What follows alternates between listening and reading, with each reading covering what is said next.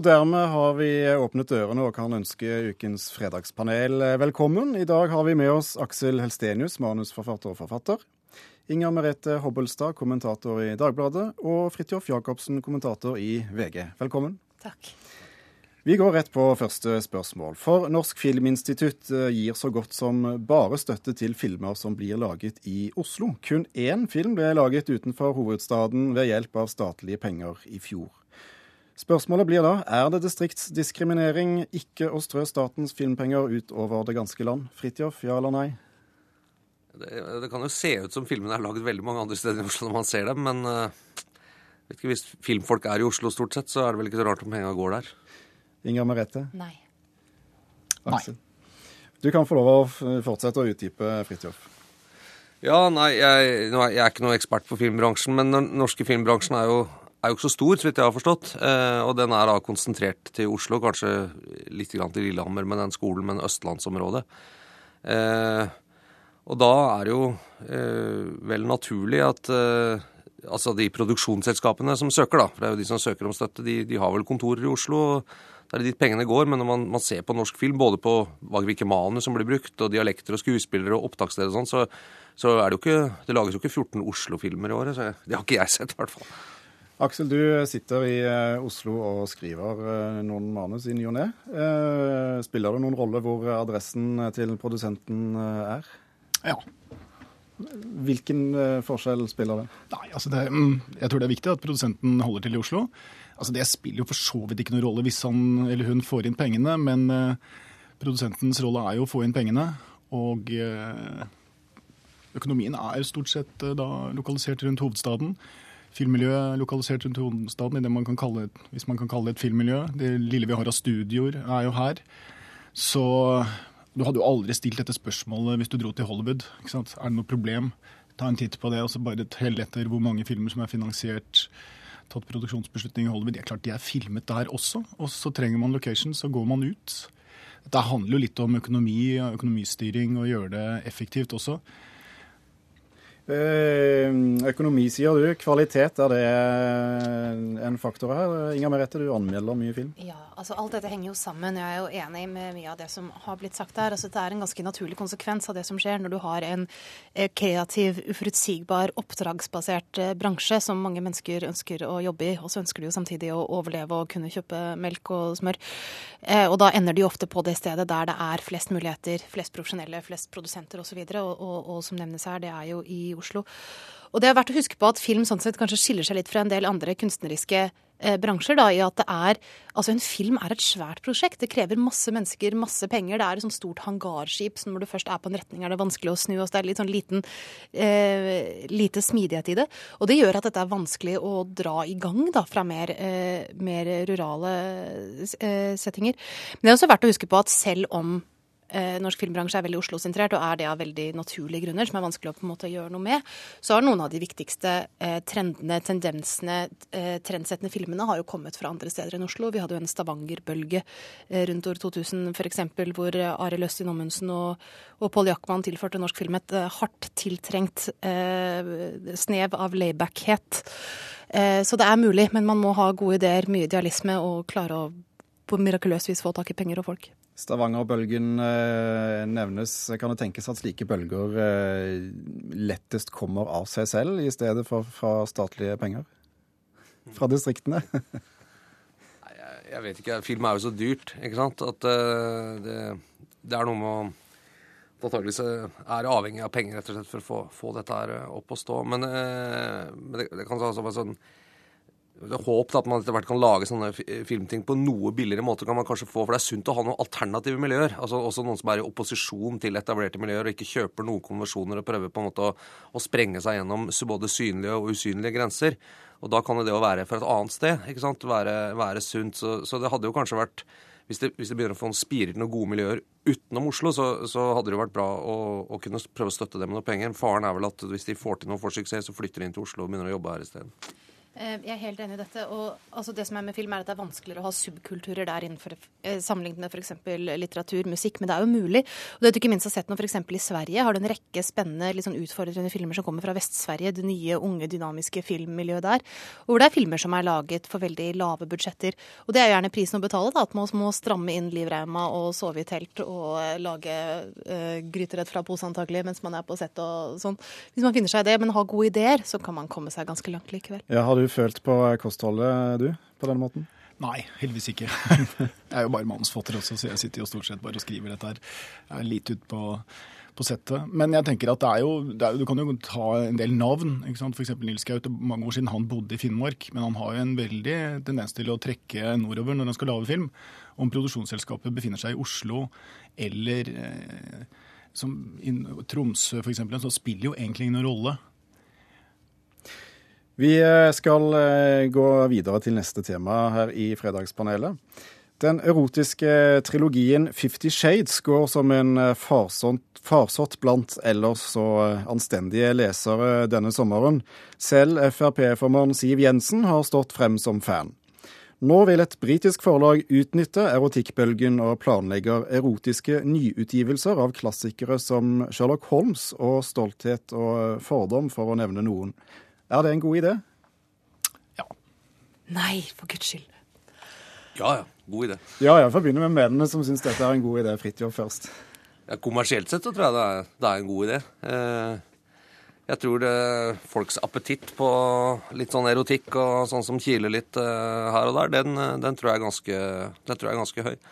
Eh, det har den vært helt siden sånn sexy western og, og, alt dette som vi vokste opp med. Så, det, så jeg tror det kan funke kommers. Og så er det en god idé, fordi vi sitter og snakker om det her. Får jeg fått masse PR. ja, så den, Jeg var jo titta på hjemmesiden til dette forlaget, og de gir ut veldig mye. Altså Det er innen fantasy og science fiction og history og crime og all verdens greier, så hvor de putter liksom, sex inn i dette her. Så jeg tipper at det blir en bitte liten nisje.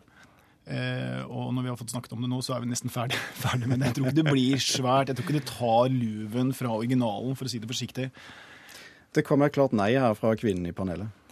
Ja, altså, når, altså Det at det er en ny slags sånn bølge nå for erotisk litteratur, at det blir oppdaget at det er et stort kvinnelig eh, først og fremst publikum for eh, denne typen tekster, kanskje som særlig har sammenheng også med at lesebrettet har kommet, og at ting kan eh, lastes ned litt mer diskré og hemmelig enn det har vært eh, mulig å gjøre før, det tror jeg nok man har helt rett i. Det jeg er ekstremt skeptisk til, det er om det er en god idé å bruke disse klassiske fortellingene til å på en måte forsøke å melke mer penger ut av dette fenomenet. For det er klart, altså Bøkene som, de, som skal på en måte gjendiktes med innlagte sexscener, som vel er det som er eh, planen her. Dette er jo klassikere som Jane Eyre, eh, 'Stolthet og fordom'. altså Litt sånne ungpikeklassikere som veldig mange slukte da de var sånn 12-13. Og når de har en slik intens kjærlighet til disse romanene, så er de i veldig stor grad knyttet til at de er som de er. Eh, altså at du får vite akkurat så mye som du får vite om det som skjer mellom, mellom uh, hovedpersonene.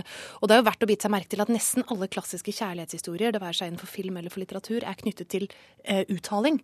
Nettopp at de ikke får hverandre. At man må hale ut handlingen over 400 sider eller to timer og legge hindringer i veien for dem for nettopp at lengselen, at spenningen osv. Skal, uh, skal stige, at det skal bli en nerve der. Altså om de bare hadde kunnet kunnet møttes og gå ut og bestemme seg etter to torsdager eh, på byen at de kan bli sammen. Altså, du har ikke en roman der.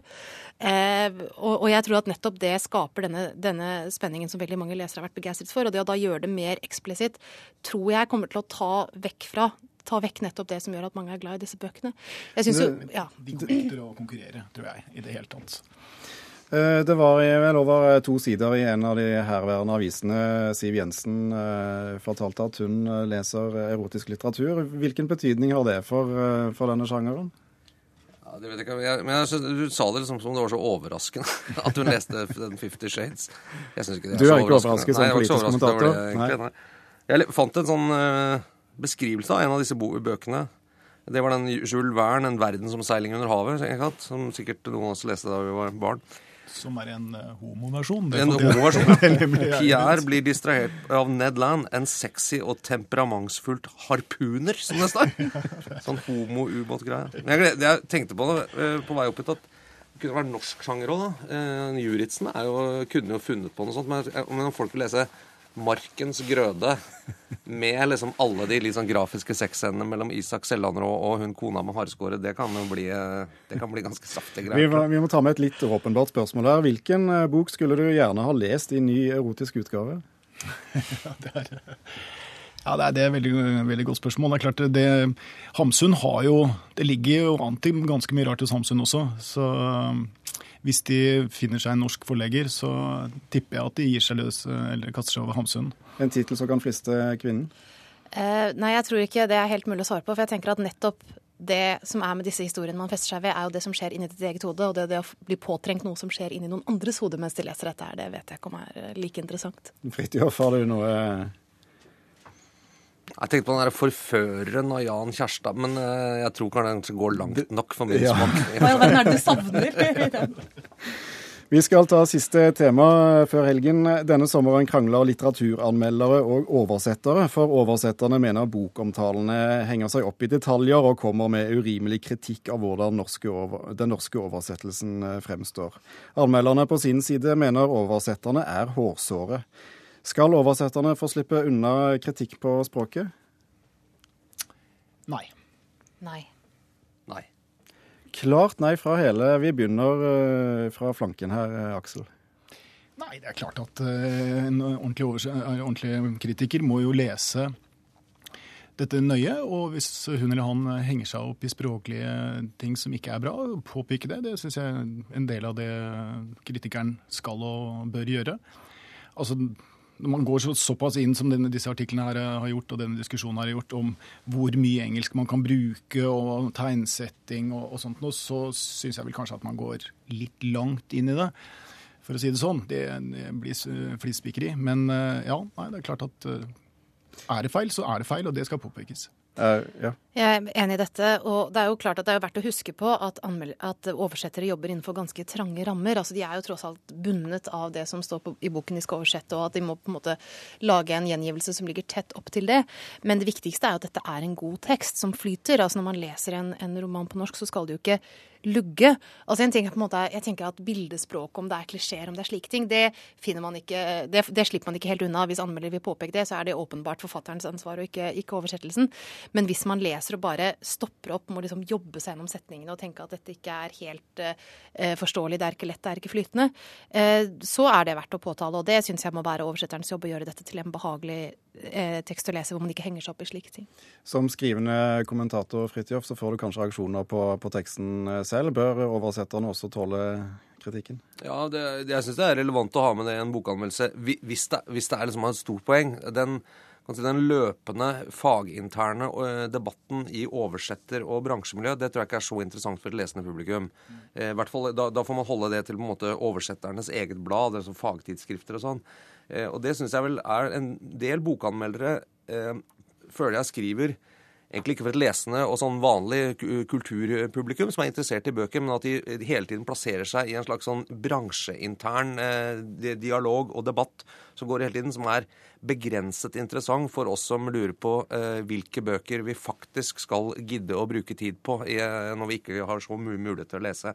Eh, Og der syns jeg vel noe av denne voldsomme sånn at hvis oversettelsen i seg selv og liksom det filologiske rundt det blir hovedpoenget i en anmeldelse, så, så er det av begrenset interesse, i hvert fall for meg, da.